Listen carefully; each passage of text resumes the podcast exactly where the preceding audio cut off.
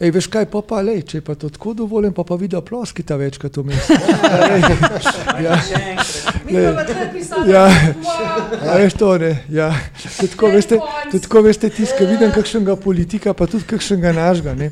Ko stopi z avtom in začne mahati, ne, uno, živijo tako vsem, ne.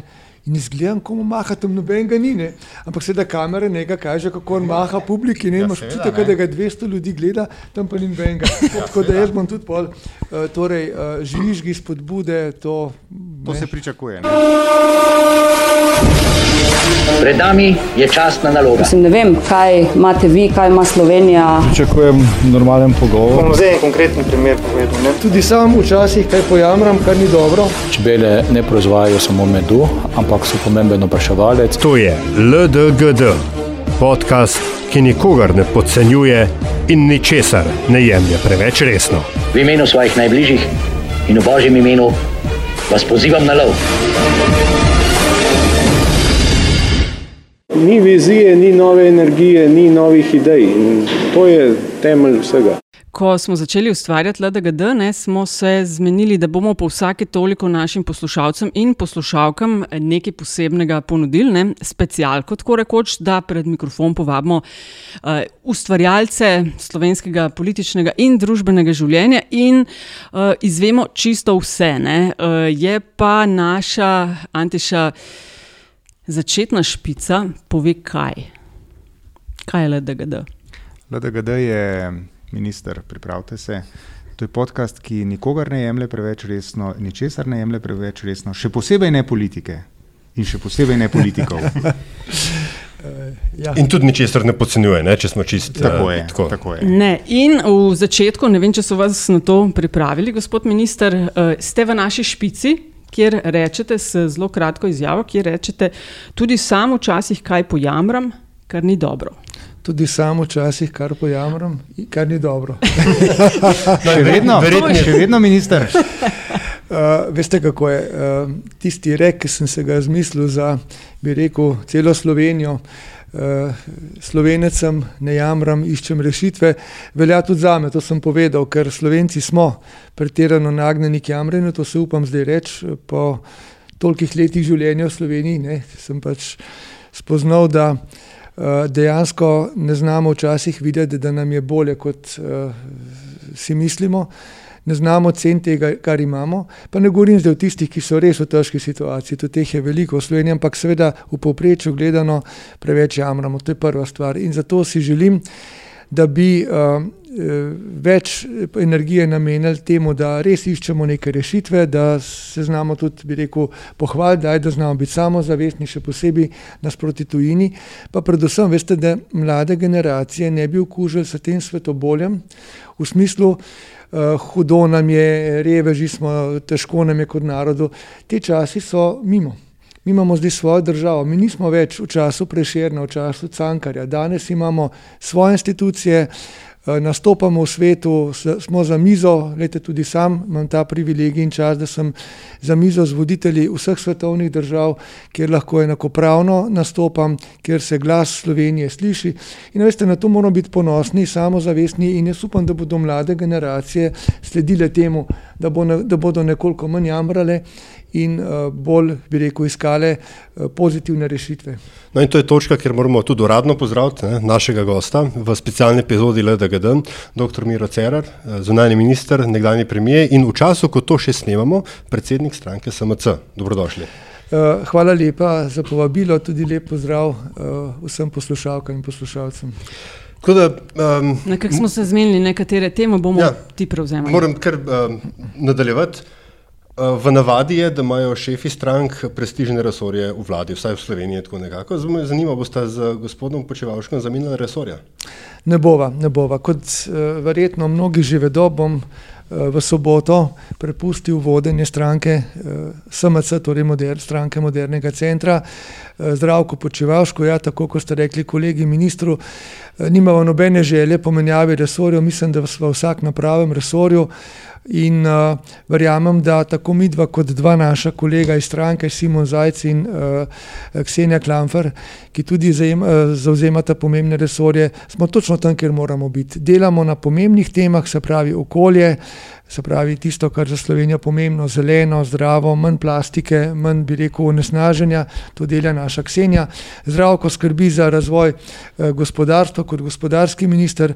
Eh, Simon, eh, pravzaprav sem prej govoril o Simonu, on skrbi za okolje, naša Ksenija se pa ukvarja, se upravičujem, seveda z delovno zakonodajo, z socialo predvsem, kjer se trudi, da bi izboljšali položaj na socialnem področju in pomagali tistim, ki res to pomoč potrebujejo, ne pa tistim, veste, ki so prikriti, bi rekel, brezposelni ali pa celo včasih bleferi, tem je treba pa sve tudi kaj oduzeti in jih poslati delati, če sem zelo direkten, pomagati pa tistim, ki to res potrebujejo in mislim, da teh je še vedno zelo veliko. No in sam sem pa zunani minister, minister za zunanje zadeve, mislim, da potem, ko sem bil štiri leta premijer in da kot tudi profesor, sem se kar nekaj naučil o teh stvareh in z veseljem upravljam to delo in zdaj, ko ne bom več predsednik stranke SMC, se bom seveda še bolj posvetil ravno temu, da bom Slovenijo čim bolj predstavljal navzven, da bom čim bolje z ekipo, ki jo imam na ministrstvu in s pomočjo cele vlade organiziral predsedovanje Evropski uniji, ki ga bomo leta dvajset enaindvajset, torej v drugi polovici enaindvajset mi prevzeli. To so zelo pomembne stvari za Slovenijo in pravzaprav mi je to velik izziv. Ja. V zunanji politiki bomo verjetno še kaj, še kaj povedali, ampak vendarle ne. Sprememba na vrhu koalicijske stranke nujno pomeni tudi spremembo v, rečem, vladni dinamiki. Ne. Bo vaša beseda kaj manj veljala zdaj? Ja, jaz mislim tako, med pametnimi ljudmi ali pa med resnimi ljudmi, odgovornimi, velja beseda toliko, kolikor je vsebinsko močna, kolikor stojijo za njo argumenti. Jaz v tej vladi nisem samo, bi rekel, kar tako minister, jaz sem nekaj izkušenj v politiki že pridobil prej, tudi kot premier, kot veste. Jaz sem pravzaprav celo poklicno življenje delal ne samo na pravni fakulteti, kjer sem pač doktoriral, bil profesor, saj sem še vedno, ampak sem tudi delal za državni zbor, pisal slovensko ustavo, bil predsednik sodnega sveta, skratka, imam kar nekaj izkušenj in zato verjamem, da vsaka moja beseda v vladi, vsak moj predlog ima težo. Sem v tem pogledu zelo resen, se trudim, da ne prihajam z neumnostmi na plano, ampak z resnimi zadevami. Po drugi strani pa tako, ne, zdaj je res, v naši stranki SMC ne bom več kapetan, predajam kapetanski trak Zdravku Počivalšku, bom pa ostal zelo resen igralec. Tako da rečem, še vedno bom delal za stranko, ker verjamem, da je stranka SMC tista, ki je zelo pomembna za to vlado in je en konstruktiven člen koalicije. Delal bom za dobro Slovenije, naših državljank, državljanov, ker zato sem sploh šel v politiko. In seveda poglejte, če bo pač vse normalno potekalo, kar si želim, ja, potem je jasno, da me bodo v vladi tako ministri, kolegi kot tudi premier najraje videli tam, kjer sem najbolj koristen. In jaz verjamem, da v tej vlogi zunanjega ministra sem koristen in se bom trudil, da bom šel naprej. Gospod minister, samo dve možnosti sta, s kakšnimi občutki odhajate s položaja predsednika stranke, če smo že načeli to temo. Ena je, da vam bo odleglo, druga je, da odhajate slabe volje in recimo temu zagrenjen. Pa me zanima, kaj od tega je, vem, ne boste priznali, da greste zagrenjeni, meni je to jasno, ne, seveda, ampak če seštejem recimo, da ste stranko vi ustanovili, po štirih, petih letih stranko zapuščate kot predsednik, me zanima, kaj od tega, čemu bi se bolj približali, slabi volji ali končno, ne, pa naj se nekdo drug s tem matra. Ja, v bistvu je bilo to zelo dobro postavljeno vprašanje na koncu. Življenje, veste, ni ne črno ne belo, pa tudi ne tako, kot eni rečejo, sivo. To je pa še najslabše, kar lahko rečemo. Življenje je mavrično. Vse barve ima in res je, nobena odločitev ni samo enobarvna, tudi moja ima različne odtenke, ampak lahko rečem, da zelo, zelo prevladuje občutek olajšanja. Namreč veste, pet let voditi stranko in medtem še štiri leta vlado in biti zdaj še zunanji minister je izredno naporno. Ob tem, da seveda imam še družino, ob tem, da sem še človek, ki si želi kaj prebrati, se kaj naučiti v tem svetu, Tako da jaz sem dejansko štiri leta kot predsednik vlade s celotnim bitjem, z dušo in srcem, bi rekel, delal za državo. Cele dneve, to je bilo 12, 14, 16 ur na dan, tudi vikende, kot veste, in ob tem seveda prenašal tudi ogromno uh, javnih mnen, predvsem kritičnih, uh, tudi ogromno je bilo nekih neresnic, laži, podtikanj in to te zelo trudi. Uh, vodenje stranke ob tem je bilo izredno zahtevno, zato ker kot predsednik vlade sem uh, se težko v zadostni meri posvečal stranki, moral sem marsikaj prepustiti drugim, jim zaupati. Uh, žal, uh, nekateri tega zaupanja niso, uh, bi rekel, upravičili. Tako kot se v vsaki stranki dogaja, sem imel tudi nasprotnike in podobno. In seveda Bila je, bila je zelo nova stranka. Mi smo nastali SMC leta 2014 iz civilne družbe. Mi smo dobesedno neka skupina somišljenikov, eh, dobro mislečih ljudi, tudi večinoma izobraženih in tako skočili v politiko, da takrat Slovenijo, ki je bila v globoki krizi, eh, potegnemo iz te krize. No in um, zato sem šel v politiko, ne zato, da bom v politiki ustal in tukaj poziral ali pa da nimo, uh, bi rekel, bil politični karierist. Jaz sem tukaj v politiki samo zato, da delam nekaj smiselnega. In ko bom začutil, da to uh, več ne gre, se bom vrnil nazaj, bodi si v profesorske vode ali pa počel kaj drugega. No in zato meni, veste, ni težko reči ne stranki, pa tudi nekega dne uh, politiki, kajti imam veliko stvari, ki jih znam delati, sem zaposlil. Uh, in me ni strah izzival. Uh, je pa res, da stranka prinese tudi uh, grenke izkušnje, vanjo so se zatekli v našo SMC, še posebej na začetku, ko smo res z zgodovinskim rezultatom zmagali na volitvah, eh, ne samo entuzijasti, tisti idealisti, ki so hoteli dobro Sloveniji, pač pa tudi različni karieristi, egoisti, skratka ljudje vseh vrst, ki so hoteli samo izkoristiti to bližino stranke ali pa članstvo ne za neke osebne interese. No, in, Gospod minister, ja. se pravi, čujem, ampak lahko poimenujete koga od njih? Vse čas se govori o nekih imenih, ki ki so, seveda, uh, to je imanentno politiki, da pridejo in skušajo uh, nekaj pobrati, ne, bi rekel, položajsko ali pa tudi finančno. Ampak lahko koga imenujete, s ja. katerim ste izrazito prišli v, v konflikt? Bom imenoval, moram pa reči tako, ne, če bi ljudje želeli imenovati vse tiste, ki. Uh, se nekomu, bom rekel, po domače malo prislinijo, ne, zato da bi eh, lažje dosegli kaj svojega, potem bi lahko naštevali ure in ure takšne imena, ne samo v političnih strankah, tudi v drugih sferah. Pa vendar, lejte, rekel bom to, hvala Bogu, v naši stranki je bilo tudi veliko ljudi, ki so zelo odgovorno delali za to državo, zato smo tudi uspeli s to vlado, mogoče v tem, kaj kasneje, Slovenijo postegniti iz krize. No, ampak mislim, da je bil en tak učiten primer, ki ga je cela Slovenija spremljala, uh, moj konflikt z, svoj, z mojim podpredsednikom stranke, Milanom, dr. Milanom Brglezom. Um, ta je na moje razočaranje že kmalo potem, ko smo ga celo uh, postavili, da tako rečem, za vodjo državnega zbora, za predsednika državnega zbora, pokazal ambicije, da v stranki pravzaprav preusmeri tok, ki smo ga zastavili skupno, da se nekako uzurpira uh, neke skupine v stranki, da skuša z neko svojo lastno politiko za svoj, jaz bi kar rekel, lasten interes ugrabiti stranko.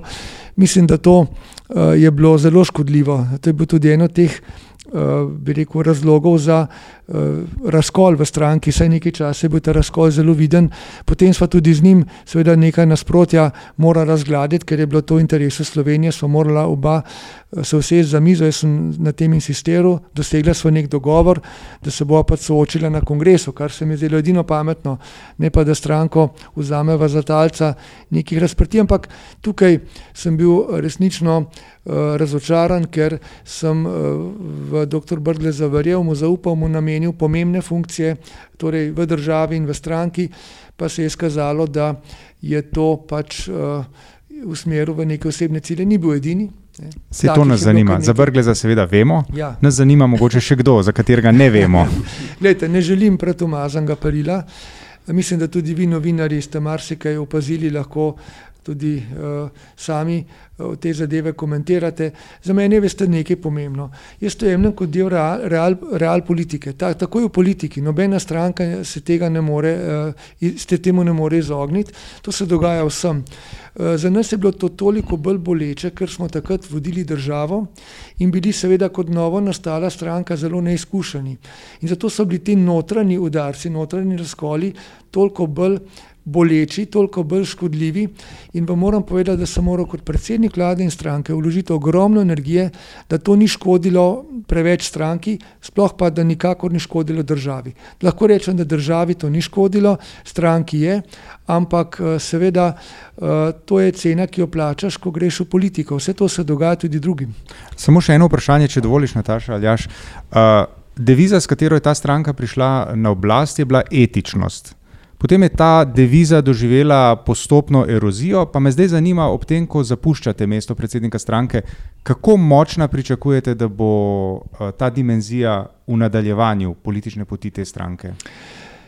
Veste, etičnost ste novinarji pripisovali tej stranki, zato ker ste mene prepoznavali kot nekoga, kot profesorja iz prejšnje poklicne kariere, ki je predaval o etiki, ki je tudi sam želel biti etičen. Jaz mislim, da sem še danes takšen, da ravnam etično po najboljših močeh.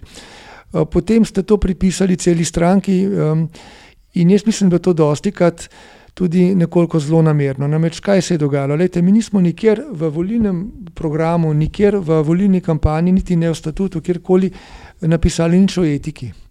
Mi smo pisali o pravni državi, o višji politični kulturi in potem ste nas stalno, ne, torej novinarji, pa ne mislim to konkretno vas, govorim o celotni javni sferi, bombardirali s tem, češ, vi, ne, doktor Cerar, vi ste nosilec nekih etičnih principov, zdaj se je pa zgodila tam neka napaka v stranki ali pa v vladi, ne, in potem so se za mene postavljali neki bistveno strožji kriteriji kot do drugih.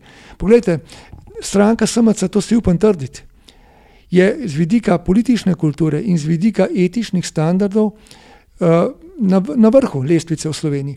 Mi pravzaprav nismo zakuhali nobene afere, nismo postali koruptivni, ne, nismo storili nič takega, da bi lahko rekli, da smo se okoristili na račun državljank in državljanov. Smo pa naredili napake, bili smo politično naivni tu in tam in seveda smo se, kot sem rekel, tudi dostikrat med seboj soočali javno, kar je bilo seveda kontraproduktivno. In a veste, jaz se spomnim primera, ko sem recimo imel kot predsednik vlade že v začetku mandata neko srečanje, sem takole sedel za mizo, kot sedim zdajle, pred mano je bil kozarec vode, ki sem ga popil, in po tem srečanju so novinarji postavljali vprašanja mojemu kabinetu, kdo je plačal tisti kozarec oziroma majhno stekleničko vode, v smislu, ali je mogoče si Cerar dovolil, da mu nekdo drug plača vodo. Oprostite, to je bilo ne samo tragikomično, to je bilo izrazito tendenciozno, da se me prikaže kot nekoga, ki morebiti ne plačam vode, pa sem zato neetičen. V celem mandatu so vsi štartali na mene s tem, češ, pokazali bomo, da tudi Cerar je neetičen. Glejte, če sem naredil kakšno napako, je zanesljivo nisem naredil namerno. Ampak trdim, da sem kot premier in kot predsednik stranke si ves čas prizadeval za to, da bi bila v Sloveniji spoštovana vladavina prava, torej neki pravni standardi, da se ravnamo civilizirano, in drugič, da smo višali politično kulturo. Vi ne boste našli niti enega mojega sporočila na omrežjih v mojem imenu, da sem ga jaz dal napisati ali pa da sem ga sam napisal, kjer bi koga žalil, kjer bi s kom polemiziral na tak primitiven način, kot polemizirajo druge vodje strank. Vedno sem bil sodelovalen, spoštljiv do kolegov iz drugih strank in v politiki. Tudi ko so me najbolj napadali, žalili preko medijev, se nisem odzival na žaljiv način. No, veste, to sem lahko naredil, ne. Pa tako, da sem pač se trudil s kolegi ministri in drugimi voditi vlado in koalicijo. Več od tega pa ne moreš. In meni, meni je zelo žal, ko danes gledam, da potem, ko smo zaključili prejšnji mandat, se je spet pojavilo točno to, zoper kar sem si kot premier prizadeval. Zdaj nimam več te moči. Spet se je pojavil politični primitivizem, hudi ideološki spopadi, kulturni boj in žrtev tega so potem državljanke in državljani. Zato ker se, veste, skrajno levi pa desni obmetavajo z žaljivkami, psovkami, ker se pravzaprav grejo neki ideološki spopad. Kaj se pa vmes dogaja? Kdo pa dela za državo? Ljudje pa potem gledajo te neke gladiatorske boje. A veste, nekdo mora tudi biti odgovoren politik, nekdo mora tudi kaj narediti za to državo. Ne pa samo biti všečen in tele populistične floskule saditi. In tipičen primer je denimo točno ta zakon o šolstvu, kjer bi morali že pred štirimi leti izvršiti odločbo ustavnega sodišča. Z vso dušo sem si prizadeval, da bi do tega prišlo. Zakaj ni prišlo? Zato, ker smo imeli v državnem zboru tiste na levi in tiste na desni, in SMC ni bil eden od teh, niti tam, niti tukaj. Mi smo bili v sredini, kjer smo želeli in bili konstruktivni v smeri, da se to udejani. Ampak ne, oni so se raje premetavali. Vsak je predlagal neko skrajno rešitev. In seveda z dvema skrajnostma nismo prišli nikamor. In rezultat je to, da še danes to vprašanje ni rešeno, da se ljudje še vedno obmetavajo in žalijo zaradi teh zadev. Ne? In, in kam nas to pele. In zato trdim, ne, da ravno SMC še danes, kljub temu, da smo seveda v nekoliko oslabljeni poziciji, glede naprej, ne vodimo več vlade, je nek nosilec više politične kulture, dialoga, sodelovanja. In dokler bom član te stranke, zdaj, ko seveda predajam predsedniško mesto, se bom prizadeval, da stranka takšna ostane in da to v čim večji meri postane in ostane del naše tudi državne politike. No, ko omenjate predajanje stranke v roke drugemu, se pravi po petih letih in uh, slabem rezultatu na evropskih volitvah, ste se po nekaj dnevnem uh, razmisleku odločili. Zdaj pa me zanima, koliko držijo govorice, koliko je res na tem, da ste bili tako rekoč prisiljeni v odstop ravno s strani uh, gospoda, ki prevzema stranko. Ne, to pa res uh, ne drži. Uh, torej, nihče me ni prisilil ali prisiljeval odstop. Ja, slišal sem razna mnenja, ampak veste, mene ni nihče, nihče prisilil, da sem šel v politiko in nihče me ne bo prisilil, da se bom iz nje umikal. Veste, če bi jaz hotel, bi kandidiral na teh volitvah. To, da sem sklical volilni kongres, je bilo prav, to je bilo higienično. Na evropskih volitvah smo doživeli zelo slab rezultat. Jaz sicer nisem na teh volitvah osebno kandidiral, tako da pač recimo sem bil v neki posebni vlogi, vendar kot predsednik stranke sem uh, prevzel to odgovornost in sem rekel, zdaj pa moramo na volilni kongres. Ampak potem sem najprej celo uh, rekel, da bom verjetno kandidiral, ker sem imel občutek, da seveda uh, je to smiselno. Potem pa sem nekaj dni razmišljal pri sebi in si dejal, poglej, pet let je bilo veliko, dovolj, a ni zdaj čas, da mogoče uh, da stranki nek prostor, da zadiha z nekimi novimi pljuči, da ti pri tem pomagaš. Eh, da se ne omakneš iz politike, ne na zadnje eh, tudi, eh, kot ste rekli, in kot vemo, delo ministra. Ampak to oceno sem sprejel čisto samostojno. Ja, zagotovo so v stranki, pa tudi v širši javnosti, bila vedno mnenja o tem, kako vodim stranko in tako naprej, ampak to ni name nič vplivalo, v resnici sem to odločitev domislil sam. Bi pa nekaj rekel, gledajte, kot rečeno, ko si predsednik stranke, ne, mora sprejeti neko odgovornost, tudi če sam nisi za neke stvari kriv ali pa nisi nekaj slabega ali pa dobrega naredil. Pač to je neka objektivna odgovornost, kot rečemo. Uh, bi pa rekel to, naša stranka je ena, je pravzaprav ena izmed tistih redkih strank, ki je nastala tako, da se je nekaj tednov pred volitvami ustanovila, torej popolnoma nova, ne, nastala iz civilne družbe, potem dosegla res zgodovinski volilni rezultat, torej prevzela vodenje vlade in potem na naslednjih volitvah ni pogorela. Mi smo v bistvu na volitvah. Stranka, če ja. se jaz ne motim, je to v bistvu edina stranka. Do minister, zdaj. Ja. Ja, in je, lejte, na leto 2018 sem še vedno jaz vodil Ta sveža volitvah. stranka, ki ja. je preživela, bi rekel, cel mandat in ponovila ja. uvrstitev v parlament. Tako je, nismo imeli leta 2018, torej nismo več seveda imeli tako odličnega rezultata, rezultat je bil slabši, pa vendar, lejte, s slabimi desetimi odstotki smo bili med prvimi štirimi strankami, tako kot SD, recimo, ki je bil že skoraj prepričan, da bo vodil vlado, je dobil ravno toliko poslancev kot SMC.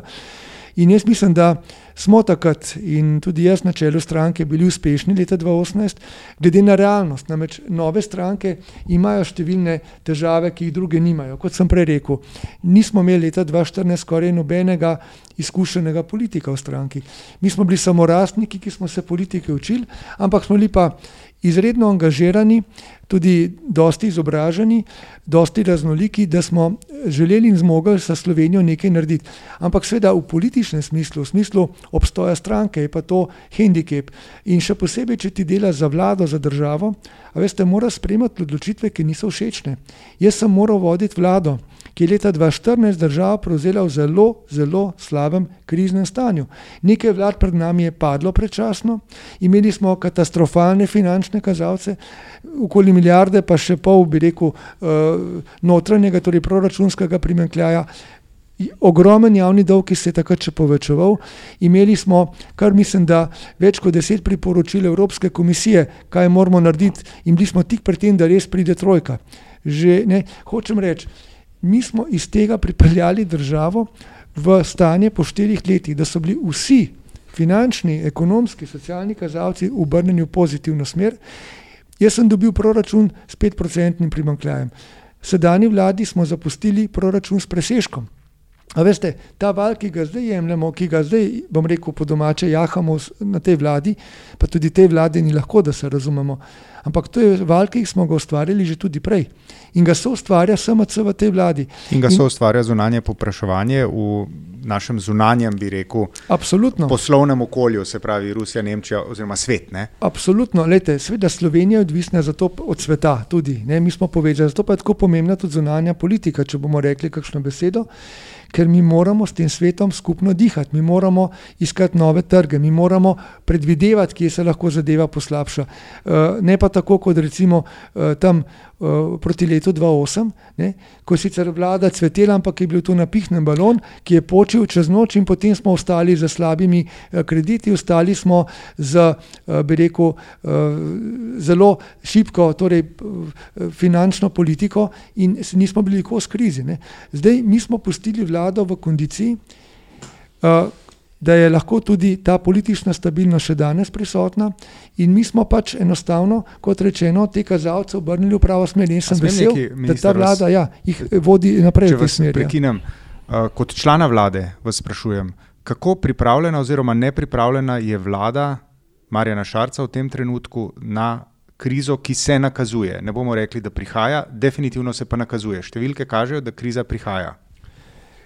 Zavedamo se, da je to uh, možno, torej neki kazalci so zelo očitni, da se zna situacija v svetu, tudi okoli nas, uh, poslabševati v prihodnih uh, letih. Sveda, to so zdaj napovedi, ki se lahko tudi obrnejo, ampak ravno zato, ker te, to vemo, vemo za te napovedi, verjamem in vidim, da se naša vlada na to pripravlja.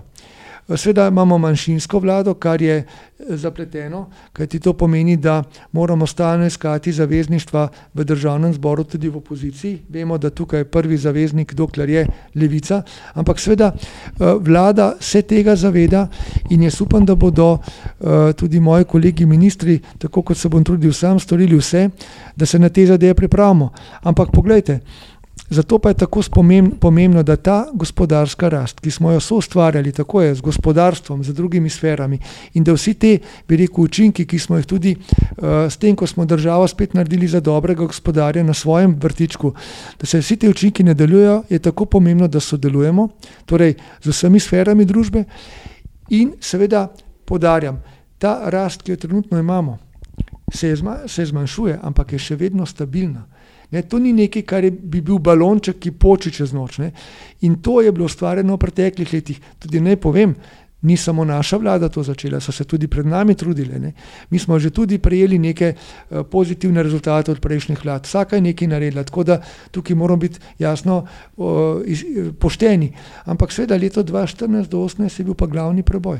No, se, če dovolite, bi se rekel par stvari spotaknil. Um, še posebej, um, recimo, vprašanje percepcije etičnosti stranke in eh, dela programa. Morda res. Ne? Po drugi strani pa vaša stranka pred volitvami in tudi potem niste nič naredili, da bi se ta percepcija, da jo ne bi bilo. Ne?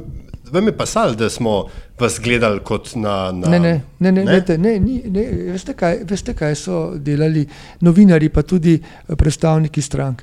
Vedno so rekli, Cerar, ki je toliko govoril o etiki, ne, je pa zdaj nekoga kadroval, ki ni dovolj dober ne, ali pa ki ni dovolj etičen. Pa njegova ekipa je storila to pa to. Veste, vedno so za mene in za našo stranko eh, postavili najviše možne standarde. Poglejte, recimo, ne, bodemo primer, ne, uh, ko se je zgodila ta uh, namišljena afera Maketa. Ne. A je bila res namišljena? Ja, poglejte, zgodila se je nepravilnost. Ne, ampak mi nismo izplačali niti evra kupnine za to maketo, se pravi, mi nismo oškodovali proračuna, takoj smo odreagirali na nepravilnost, takoj sprožili interne postopke. Seveda je prišlo do napake v razpisu. Če, se, če, se, če je bila ta napaka namerna, ne bodo ugotovili organi pregona. Jaz sem takoj zahteval, da se vse razišče, da vsi postopki stečejo. Ampak gledajte, kaj se je zgodilo letos, februarja, ne, pred evropskimi volitvami. Nekdo je prišel z lažnim ponarejenim dokumentom na televizijo in začel, uh, bi rekel, izvajati neko zgodbo, češ SMC se je okoristila s to maketo, uh, Cerar se je znal okoristil, Leben je storil napako. Nič od tega, podarjam, nič od tega ne drži. In to se je izkazalo. Ampak nekaj, nekaj tednov smo bili, smo bili žrtvo medijskega linča, govorilo se je samo o tej maketi, ker ponavljam, niti evra ni bilo izplačanega, torej ni bil oškodovan proračun, takoj smo sprožili postopke, da se ugotovijo nepravilnosti, do katerih je prišlo, ali je bila to napaka ali namernost, ne vemo. Ne. In tretjič, ne, zdaj pa pomislite, bom dal en primer. Ne.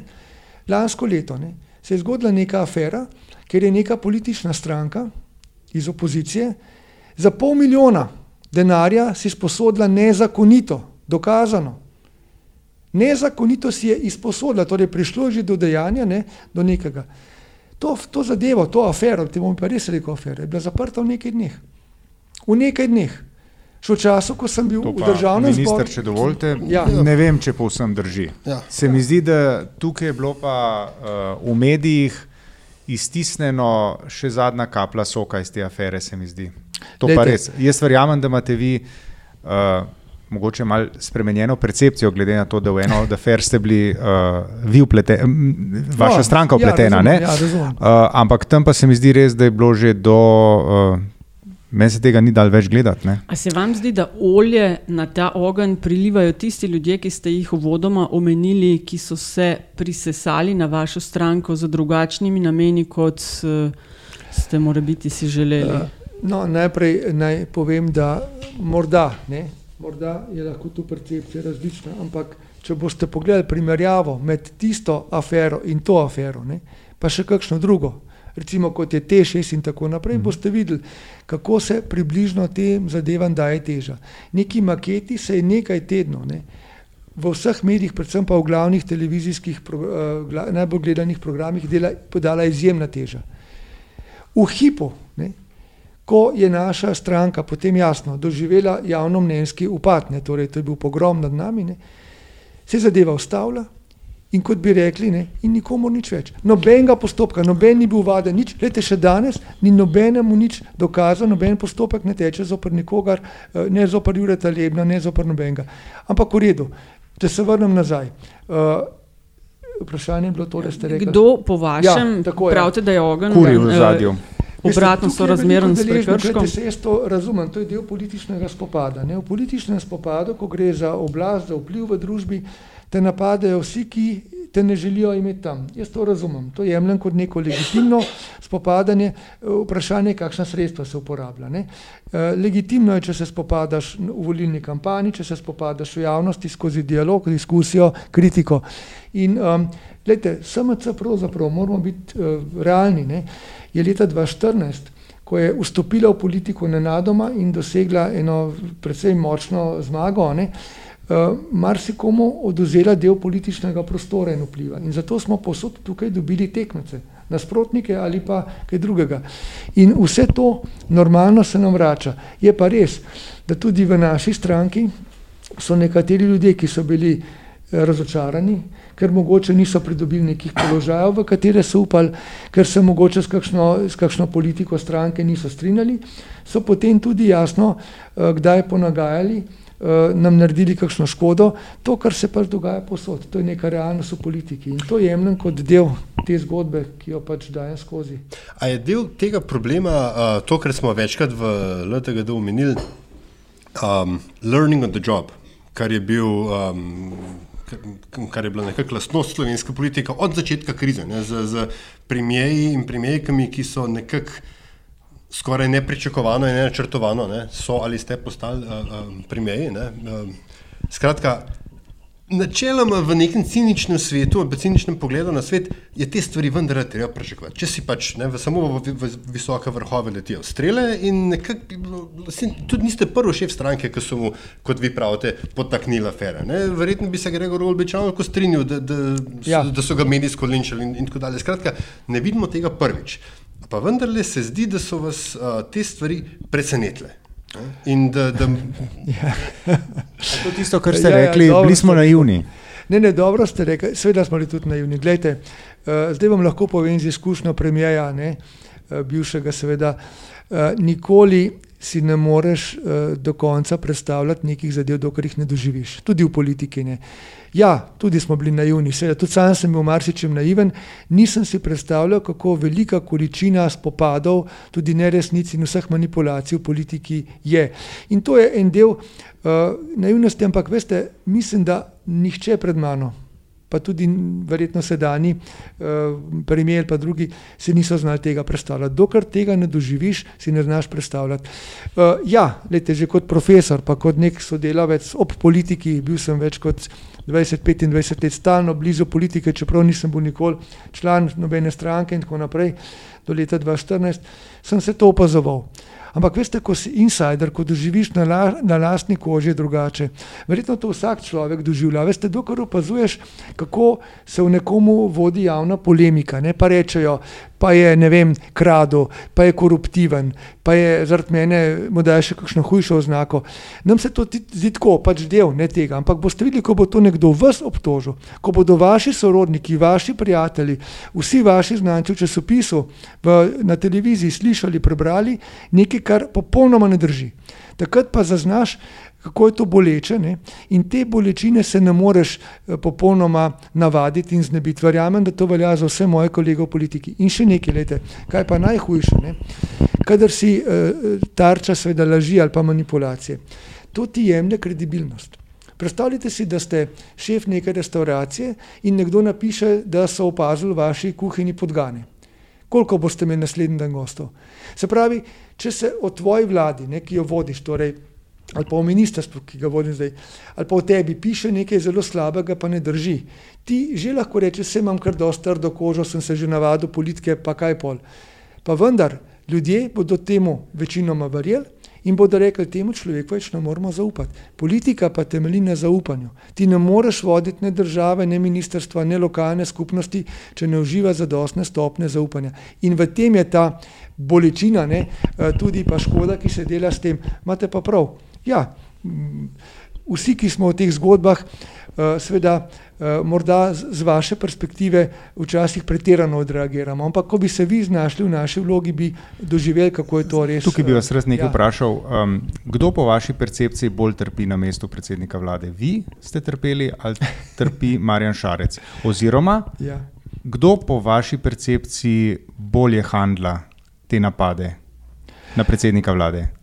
Uh, naj rečem najprej to, ko sem nastopil premijersko funkcijo leta 2014, mi je predsednik Borod Paho rekel, veš miro, to je najtežja služba v državi ali pa na svetu. Ne? To je najtežja služba na svetu, je mislim, da je rekel. In uh, kasneje sem razumel, kaj ste mislil. Uh, Seveda so številni poklici težki, nevarni. Ne? Na nek način so eni celo bolj nevarni, hujši, bolj obremenilni, ampak Eh, če pa to odgovornost vzameš, ki jo imaš, in še posebej, če vodiš vlado v kriznih časih, tudi Borod Pahor je vodil, ko je bil predsednik vlade v kriznih časih, takrat pa dobro razumeš to, kar mi je rekel. Uh, jaz ne bi ocenjeval, uh, ker to težko ocenim. Pa dejte, nas... no, dejte, no. ja, ja. A dejte, no, ja. Ne, res, dejte, no. Dajmo biti mal manj zategneni, pa povejte. Manj zategneni. Jaz lahko rečem, da ko sem enkrat malo pojamral, da se spomnim, ne lete, vsi premijeji zagotovo, sem prepričan. Pa tudi drugi politiki, tu pa tam jamramo nad mediji, ker bi se vedno želeli, da bi eh, kdaj pisali drugače o tem, kar delamo. Ker se nam včasih zdi, da smo recimo pokrivenki, če so obdolženi ali pa mogoče nimajo dovolj informacij, mediji pa kaj narobe prikažejo. Te sem zelo milo povedal. Taki so občutki eh, politikov, še posebej na visokih položajih, pa tudi županov in ostalih. No in seveda, ko sem enkrat eh, spet se malo pritožval ožji ekipi, ne, In nekdo rekel, veste, jaz sem tukaj že dalj časa ne, v tej zgodbi, to so se vsi bivši predmeji pred vami podoben pritožvali. In takrat sem dojel, ne, da res to nikamor ne pelje, zato sem tudi potem kmalo zatem uh, verjetno sebi in drugim napisal tisto na jamre. Ja. To je rešitev. čisto na vašem zelniku zraslo. Čisto na mojem. To sem enkrat na avionu, ne ni vožni, ko sem sedel, kar rekel, pa dej, sem si rekel, dej se nekaj spomnil, no, da boš tem našim slovencem, dragim, ne, neki, eno sporočilo, da o svoje, ki se ti zdi pomembno. In veste, jaz res mislim, ne, da če prevelite, vsi jamramo, tudi jaz da jamram, ne, tudi zdaj sem malo jamral prej, ne, ne na zadnje. Ampak, a veste, uh, eno je, če si kritičen, to mora biti, ne, da se pritožiš, da, da uveljavljaš neke pravice, ki ti niso priznane. Drugo je pa to svetobolje, to jamranje, ker delaš, kaj delaš. Ne. Krivdo za svoj problem, za svojo bolečino iščeš pri drugem. In vedno, kadar to ugotovim, da sam delam, ko se tega, ko se tega ozavestam, vem, da sem na napačni poti. Nihče ni kriv za tvoje probleme. Sam si izbiraš poti v življenju in kar sem si izbral, to moram nositi. In zato je to tudi rek za mene. Ne? In veste, res si želim, no? da bi bili Slovenci bolj samozavestni, ker smo izredno sposoben narod. Naredili smo take korake od osamosvojitve, pa tudi pred njo v zgodovini, ne? take velike korake kot majhen narod, da bi morali biti stalno na sebe ponosni. In tudi, veste, ko gledam športnike, kulturnike, znanstvenike, pa veste, tudi včasih čisto takole, kakšnega vratarja, snažilko šoferja, pa to so kleni ljudje.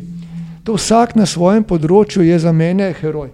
In veste, ko to gledam, je tako težko, ker potem uh, prevečkrat berem, po, pa, pa poslušam to, kako smo mi ubogi, kako nam nič ne gre. Nasprotno, zelo smo uspešni in v tujini. Veliko sem v tujini kot zunani minister. V tujini to opazijo.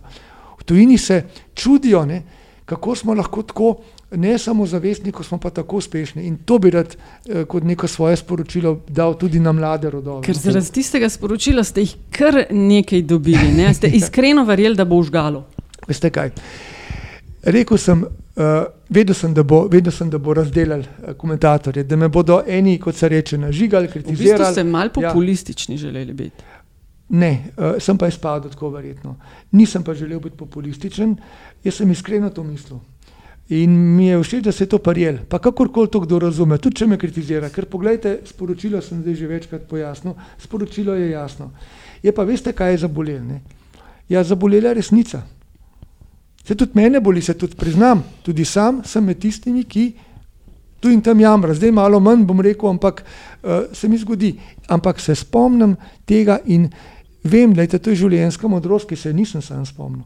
Ni, niso drugi krivi za naše probleme. In sami moramo iskati rešitve. In bolj kot to delamo, bolj bomo tudi okoli sebe ustvarjali atmosfero pozitivnega, bolj bomo dobili ljudi okoli sebe, ki bodo sami pozitivni. Če smo pa negativistični, pa vlečemo na sebe negativno, ker v kozmosu je tako, da podobno privlači podobno. To je nek vesolni zakon in jaz vam globoko verjamem. Jaz verjamem, da se bolj nasprotno privlačijo. Ja, za motivacijskega govornika ne, boste lahko šli, lahko če slučajno ne boste Neki, nadaljevali kas... karijere na zunanjem ministrstvu. Ali pa morda v ja. predsedniške palače, ker ste ga že, ker ste ga že omenili ja. in se Glejte. mandati iztekajo. ja. Ne, poglejte, jaz si predvsem zdaj želim to, da bi te naloge, ki so pred mano, in tako sem vedno gledal v življenju, nekaj korakov naprej, čim bolje opravo. Pred Slovenijo je predsedovanje Evropski uniji. Pred nami so hudi izzivi, še posebej, če bo, kot malo nakazujete tudi vi, prišlo do poslabšanja uh, ekonomije, torej gospodarskih uh, rekel, razmer v svetu. In tukaj moramo biti na to pripravljeni. Zato bom zdaj delal najprej na tem. Ne, to je za me še čas. Ja, Predsedniške volitve so leta 2022, prosti ali ja. ja. Če smem en scenarij, pa prosim, če ga. Uh, Uh, ustrezno zanikate? Ja? Ustrezno pokomentirate. No, ja. Miro Cerar se bo zdaj malo umaknil v ilegalo, nizki rejtingi stranke ne bodo več njegov problem, on bo minister, izpeljal bo um, predsedovanje Evropski uniji, potem pa bum, leta 2022, ko se karte delijo na novo, upozorimo na to. Ja. Gremo pa na predsedniške volitve. No, lejte, to je Dobro ste povedali, malo zabavno, malo pa za res, seveda. Zabavno, ampak resno mislim. Ja, resno razumem. zanima vaš komentar. Ne, poglejte, se to lahko kot vprašanje danes naslovimo na vsakega, ki je v politiki na neki pomembni funkciji, ali pa tudi na druge ljudi, ki so v naši družbi popularni oziroma jim ljudje zaupajo. Zakaj? Zato, ker res je. Uh, tistega leta se bodo pač te predsedniške volitve zgodile in takrat sedajni predsednik, ki upravlja drugi mandat zaporedni, ne bo mogel več kandidirati in bo, kot rečemo, odprt, odprt lov na to mesto. Tudi to imamo v špici, da ga ja. dajo, odpira se lov. Ja, ja, ja res je. Ja, gledajte, no, Tom- vse ja. o tem se govori, kar že zdaj, ja, tako, ja. Ja. Ja, uh, jaz vam bom rekel tako, o tem še ne razmišljam. Uh, trenutno si tega, moram reči, ne želim. Jaz sem, bom rekel, tudi precej obremenjen še s sedanjim delom, tudi nekoliko utrujen od premjerske funkcije. Lahko vam povem, da to me je precej izčrpalo. Uh, in da res zdaj le si želeti drveti še enkrat v neko pomembno, odgovorno funkcijo, ni v mojem načrtu. Ampak, veste, nikoli ne reči, nikoli eh, ne vem, kaj se bo dogajalo v življenju, če boste prišli čez dve leti k meni in boste rekli, jaz bi vas pa imel za predsednika. Verjetno to ne boste rekli zato, ker so rejtingi SMC-ju uh, bili prepuščeni nekomu drugemu, tega tudi ne boste rekli zato, uh, ker sem slabo delal. Če bo kdo prišel k nekomu, pa mu predlagal, da bi bil kandidat za predsednika, bo prišel zato, ker bo vam verjel, ker bo verjel, da zna nekaj narediti za to državo. In uh, jaz bi prepustil te odločitve voljivcev pa ljudem, ljudi, ljudi uh, na kasnejši čas. Mislim, Za da je prezgodaj o tem govoriti. Gospod minister, nihče od nas treh ne bo prišel k vam in vam rekel: Odlično. Jaz bi te imel za, jaz bi te imel pa za predsednika. Ampak američani Odlično. bi temu rekli, da tole ni bil full Sherman, ni, ni bilo zanikanje.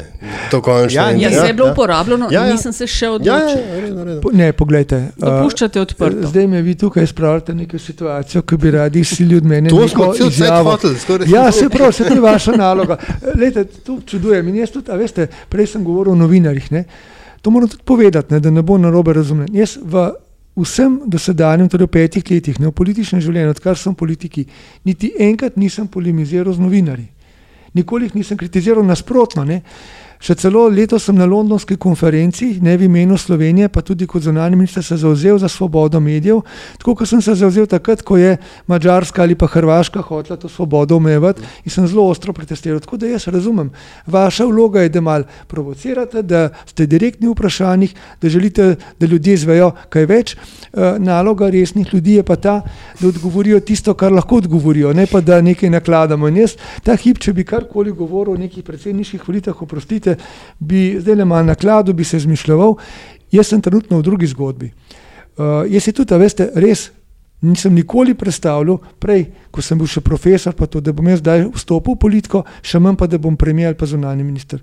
To se je zgodilo potem v nekem momentu, ko je bila Slovenija res v hudi situaciji, ko sem videl, da uradna politika ne najde takrat poti iz krize in smo se pol nekateri dobro misleči ljudje zbrali ne, in skozi civilno družbo oblikovali neko opcijo, ki je potem šla No, na volitve. Če tega ne morete reči, pa mogoče lahko poveste, zdaj stranko prevzema drug človek, pa še mogoče kakšno zunanji politiki rečemo. Ne, eh, stranko prevzema drug čo, človek, v katero smer menite, da bo šla in kaj bi bil vaš en nasvet bodočemu predsedniku. V času, ko to snemamo, ste to sicer še vi. Ja. Um, jaz sem prepričan, da bo šel zdravko počivalšek v pravo smer. To se pravi, Katera je prava? Karkoli že to pomeni. Ja. ja, no, Katera je prava? eh, Prava je tista, ki sledi temeljnim vrednotam naše stranke. Uh, to so eno, bi rekel, ena višja politična kultura, spoštovanje človekovega dostojanstva, da je človek osrednja vrednota, se pravi človekove pravice, svoboščine, to je liberalna doktrina. Ampak ob tem, ko smo liberalci, ne, torej svob, svobodomiselnost, to je tudi za me ena ključnih zadev. V naši stranki se zbiramo svobodomiselni ljudje. Uh, ko pa govorimo recimo o gospodarski komponenti ne, liberalizma, je pa tle zelo pomembna socialna nota. Zato smo mi socialno-liberalna stranka in mi veliko pomeni, da je um, kolega, ne, torej tudi prijatelj Zdravko Počivalšek, že meni večkrat povedal, da ne bom zanemaril socialne komponente, čeprav sem gospodarstveni, gospodarski minister. Jaz razumem, da moramo tudi skrbeti za tiste, ki jim je težko, ki so brezposelni, invalidi, v stiskah, imajo mlade družine in tako naprej. In to je za mene pomembno. Da delamo, da pomagamo gospodarstvu, da čim več proizvedemo. Ampak da potem tisto, kar pa proizvedemo, eh, ne namenimo samo za neke egoistične cilje, da se bomo samo obogatili, ampak da men- namenimo tudi za javno zdravstvo, javno šolstvo in pomoč ljudem. To je naša politika. In če bo zdravko počivalšek šel v tej smeri, potem ga bom tudi naprej polno podpiral. Zaenkrat imam vsa zagotovila, da bo šel. In vaš en nasvet? Na svet je, eh, dragi eh, zdravko, čim več potrpljenja. Eh, Vem, da si zelo temperamenten, ampak za vodenje stranke boš rabo tudi tisto, če mu rečemo, božjo mast potrpljenje, kajti tu gre za usklajevanje različnih ljudi, različnih interesov in tukaj bo treba uh, verjetno včasih tudi stisniti zobe, prisluhniti ljudem in jih usklajevati med sabo. To je ta dinamika politike, če si demokrat. In jaz verjamem, da gre lahko SMC naprej samo po demokratični poti. Ja, tisto motivacijskem govorcu bomo malo premislili. No, ne, no. Ste malo razdelili do kongresa, ne, ta, ta nagovor. Ne. Um, ja. Omenili smo predsednika Pahorja. Kaj vas je pa zmotil?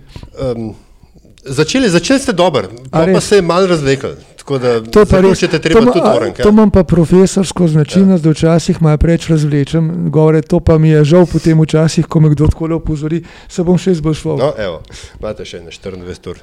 Odlično, hvala lepa. Um, mi, uh, predsednika Pahorja smo omenili in ne morem, da ne bi vprašal, koliko zunanjih ministrov v Sloveniji ta hip de facto. Enega, seveda, to sem jaz.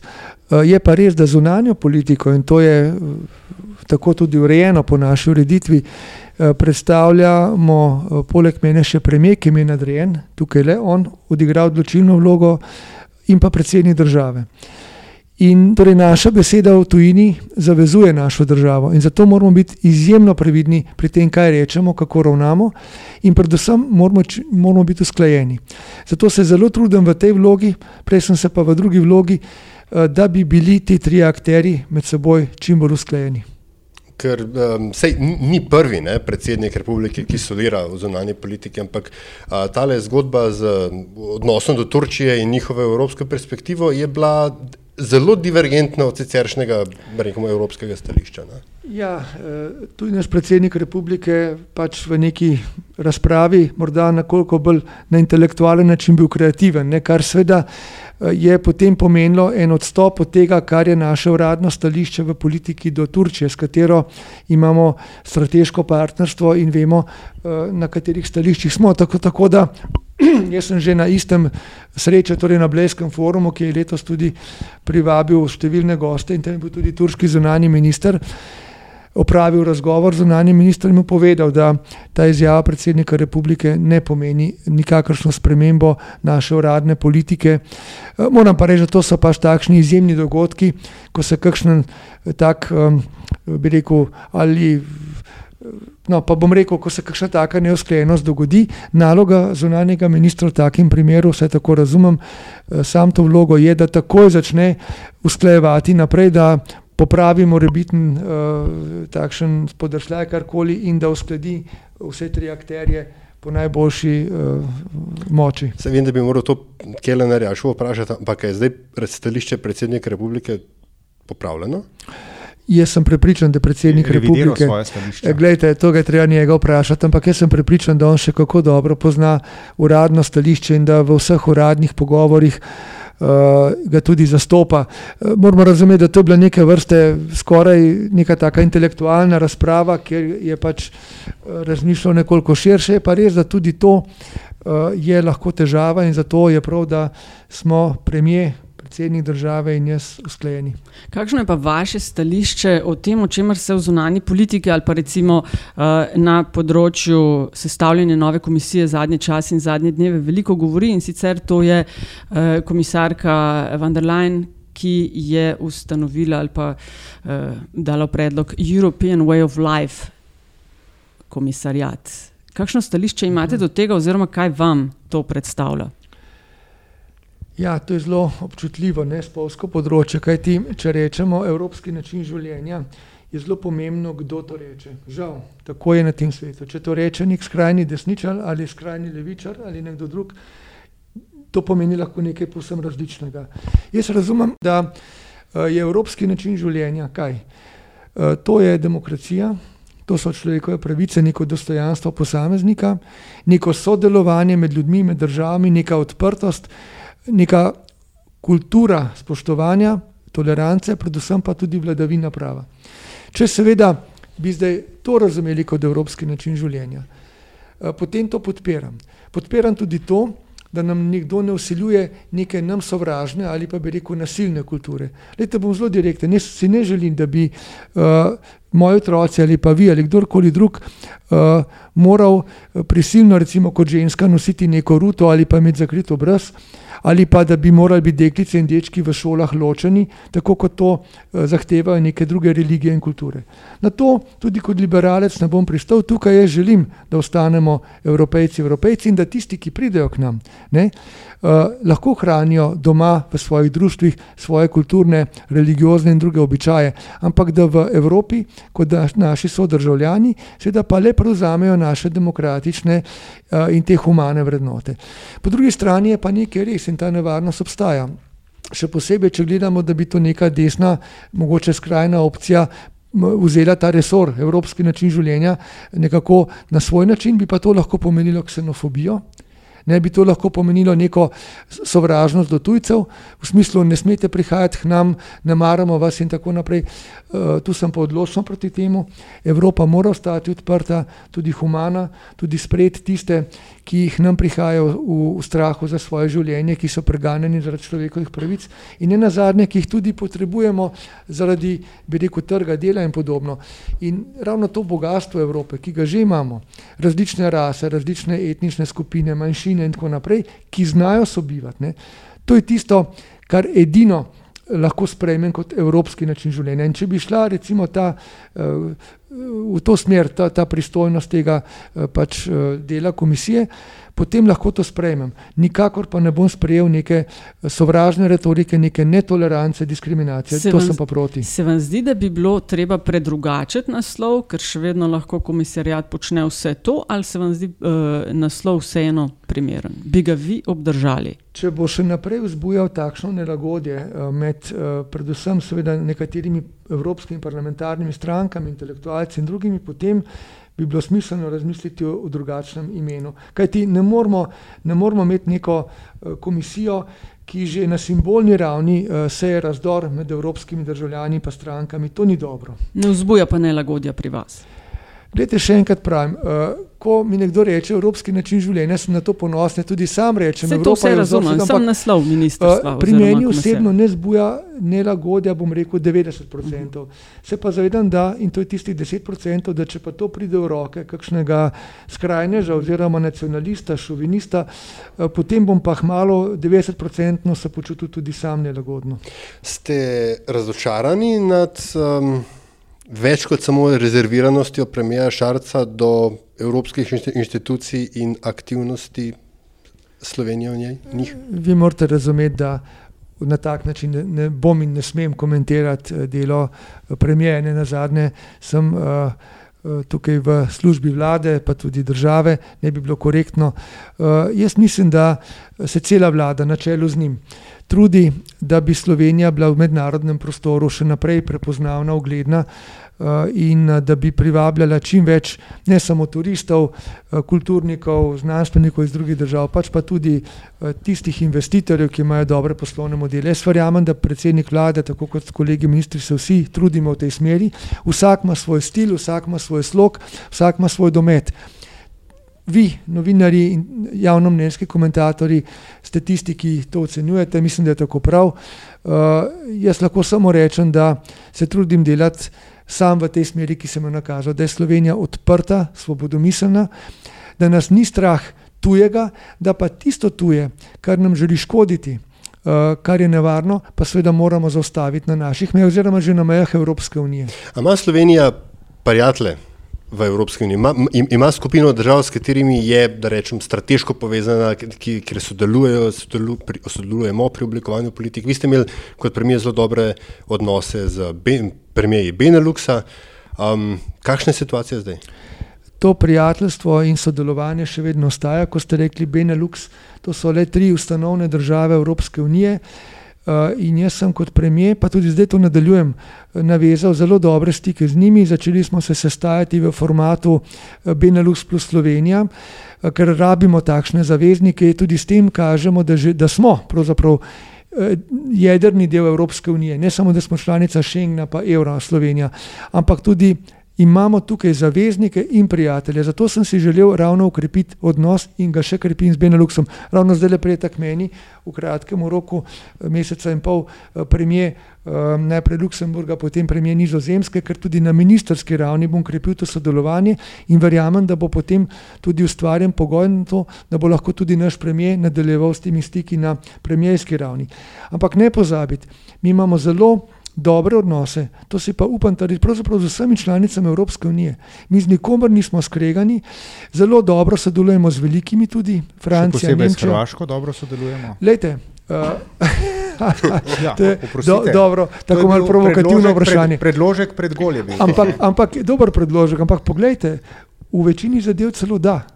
Ja, in zato sem se trudil tudi kot premijer, da tisto, kar je dobro, ne pokvarimo. Mi imamo zelo dobro, malo obmejno sodelovanje s Hrvaško. Le tako hodimo na morje, tja pa oni k nam, turizem, ne, v obe smeri, naše toplice, smuč, smučišča, morje ne, in tako naprej. Potem medčloveški stiki so dobri. Ponovadi vsi rečejo, da mi bi se vse zmenili, samo ti politiki nas kregajo, kar seveda čisto tako ne drži.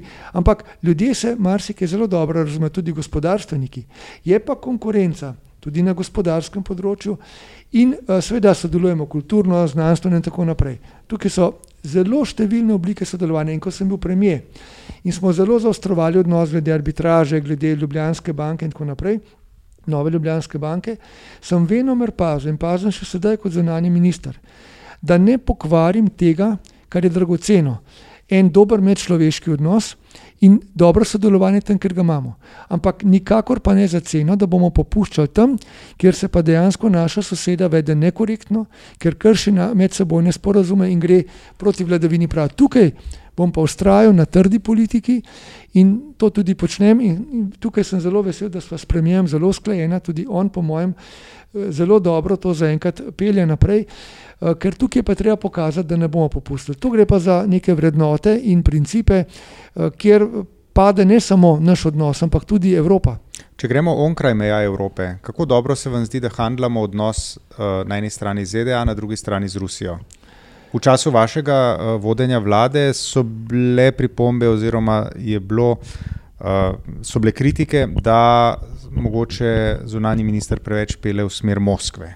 Kako je zdaj s tem? Ja, res je, zunani minister Rjavec je v času, ko sem jaz premijer, uh, morda nekoliko preveč teže namenil tej strani. To ne pomeni, da z Moskvo, z Rusijo ne želimo sodelovati še naprej to raven sodelovanja ohranjamo, ker je to v našem kulturnem, gospodarskem, političnem interesu. Seveda pa naj poudarim, smo pa predvsem doma v Evropski uniji ne? in to je naš jedrni dom in zato spoštujemo zaveze, ki jih znotraj Evropske unije sprejmemo, tudi glede sankcij in podobno in tudi naše prijatelje, bom rekel, pa so to lahko Rusi ali kjerkoli, vedno opozorimo in tudi samo opozorim na tisto, o čemer se ne strinjamo recimo, da želimo, da bi spoštovali mednarodno pravo, glede govorimo o Krimu in uh, tako uh. naprej, uh, da želim, da se seveda spoštujejo demokratični standardi. To so tisti, uh, tisti mejniki, preko katerih pa ne gremo.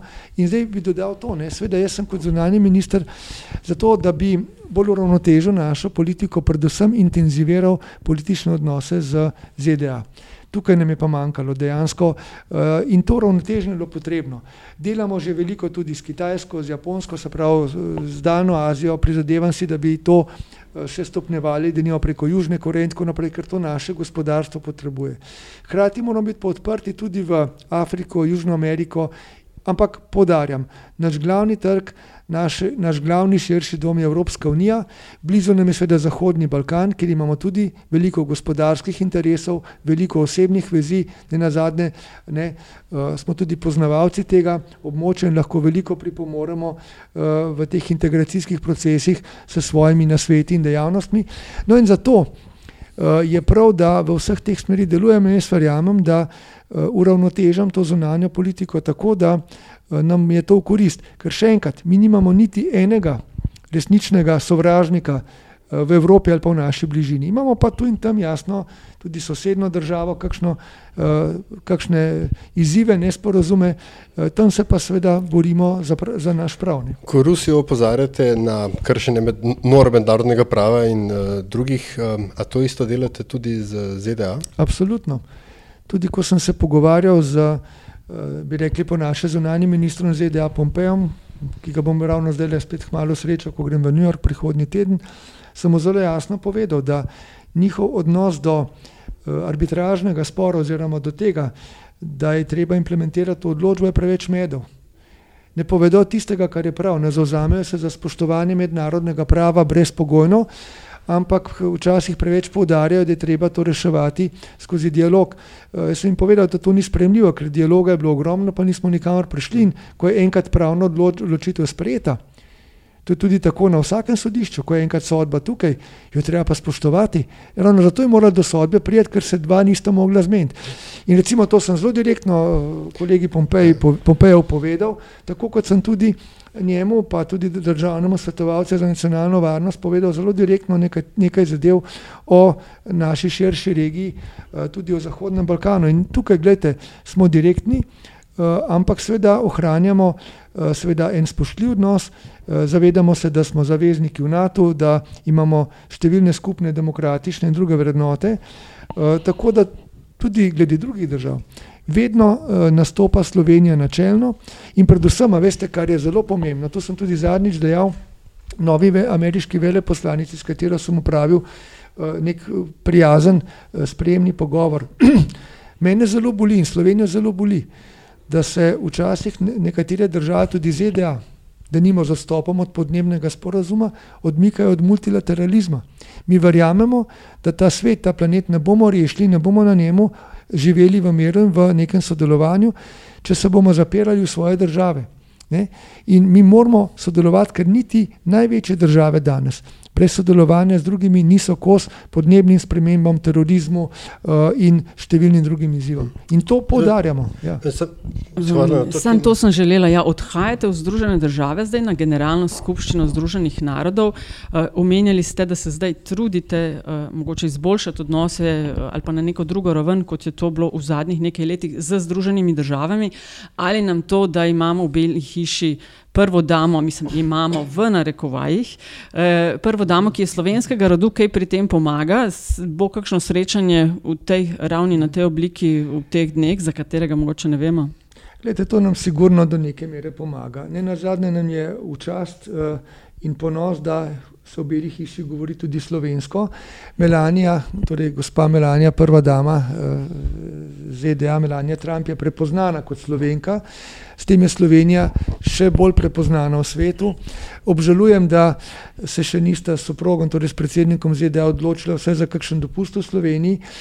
In dejansko je res, da nekako uh, se prva dama ZDA ne umešava toliko v politiko, bi rekel, svojega soproga, predsednika, da bi morda eh, lahko tudi v primeru Slovenije tukaj zaznali neke premike na tej Ste smeri. Ste poskušali kaj prodreti v tej smeri? Lejte, jaz in tudi moja partnerka Mojca sva se z njo pogovarjala o nekaterih zadevah, prepričan sem, da jih je tudi ne, nekako prenesla naprej. Priznam pa, da nekega zelo neposrednega odziva ni bilo. Predsednik ZDA se predvsem usmerja v neke druge svetovne probleme in točke. Jaz mislim, da to ni dobro, tudi Slovenija bi morala biti tukaj, bi rekel, bolj upoštevana, pa vendar ne. Še enkrat, politično ZDA dobro sodelujemo na vseh nivojih ne, in lahko rečem, da tako na ravni, rekel, administracije ZDA kot na ravni drugih enot dosegamo napredek, gremo naprej. Tudi Amerika, kot vemo, ZDA je tretji največji investitor v Sloveniji, krepimo te stike in verjamem, da jih bomo zdaj, ko je prišla sem nova veleposlanica, samo še bolj uspešno krepili. Um, mudi se nam vsem, ampak eno vprašanje moramo še, vsaj iz moje strani, obdelati. Kakšna je možnost, da se do konca oktobra vendarle doseže dogovor o izstopu Velike Britanije iz Evropske unije, po vaši oceni? Najprej bom rekel, da sem uh, ob, ob velikem spoštovanju, ki sem ga vedno imel do angliškega parlamenta, to je zibelka sodobne demokracije, vedno upal, da tam obstaja nek plan B. In ko sem potem pred kakšnim letom ugotovil, da ni nobenega plana B in C, zdaj spremljam to agonijo, bi rekel, to zmedo z res, kar bi rekel, neprijetnimi občutki. Hudo mi je, ko gledam, kako se Združeno kraljestvo zapleta v te notranje politične igre brez neke jasne vizije, brez uh, zmožnosti, da bi našla izhod. Nemogoče je ta hip napovedati, kaj se bo zgodilo, zato ker nimajo jasnega načrta, nimajo nič pripravljeno, konstruktivnega. In so se tudi, seveda, začeli notranje spopadati preko tega vprašanja uh, na ta način, da um, je težko reči že za en teden naprej, kaj se bo zgodilo. Veliko improvizacije in jaz si res samo želim, no, da bi dosegli toliko modrosti in neke skupne politične volje, da bi, če že bo prišlo do Brexita, Brexit potekal na nek urejen način, da bi ga izvedli tako, da bi bil sprejet podpisan ta sporazum, da ne bi to prizadelo državljank in državljanov Evropske unije, pa tudi seveda eh, Združenega kraljestva. A veste, to ima lahko nepredvidljive posledice, če se, uh, če bi se zgodil recimo Brexit brez dogovora in bi to poslabšalo pozicijo Združenega kraljestva, se lahko tudi Škotska ponovno odloči, vemo za referendum o neodvisnosti. Kaj bo z mejo med Severno Irsko in Irsko, je potem še bolj vpraša, vprašljivo. Da zadeve so zelo resne. Jaz samo želim našim eh, angliškim rekel, prijateljem v Združenem kraljestvu, da bi čim prej našli izhod, neko pametno rešitev, medtem ko verjamem, da Evropska unija tukaj mora ostati še naprej enotna in na istih pozicijah, kot smo. Še imamo, verjamem, en kup vprašanj, drugič vas moramo rezervirati za več kot eno uro, ampak najtežjega, gospod minister, smo pa prešparali za konec. Oh.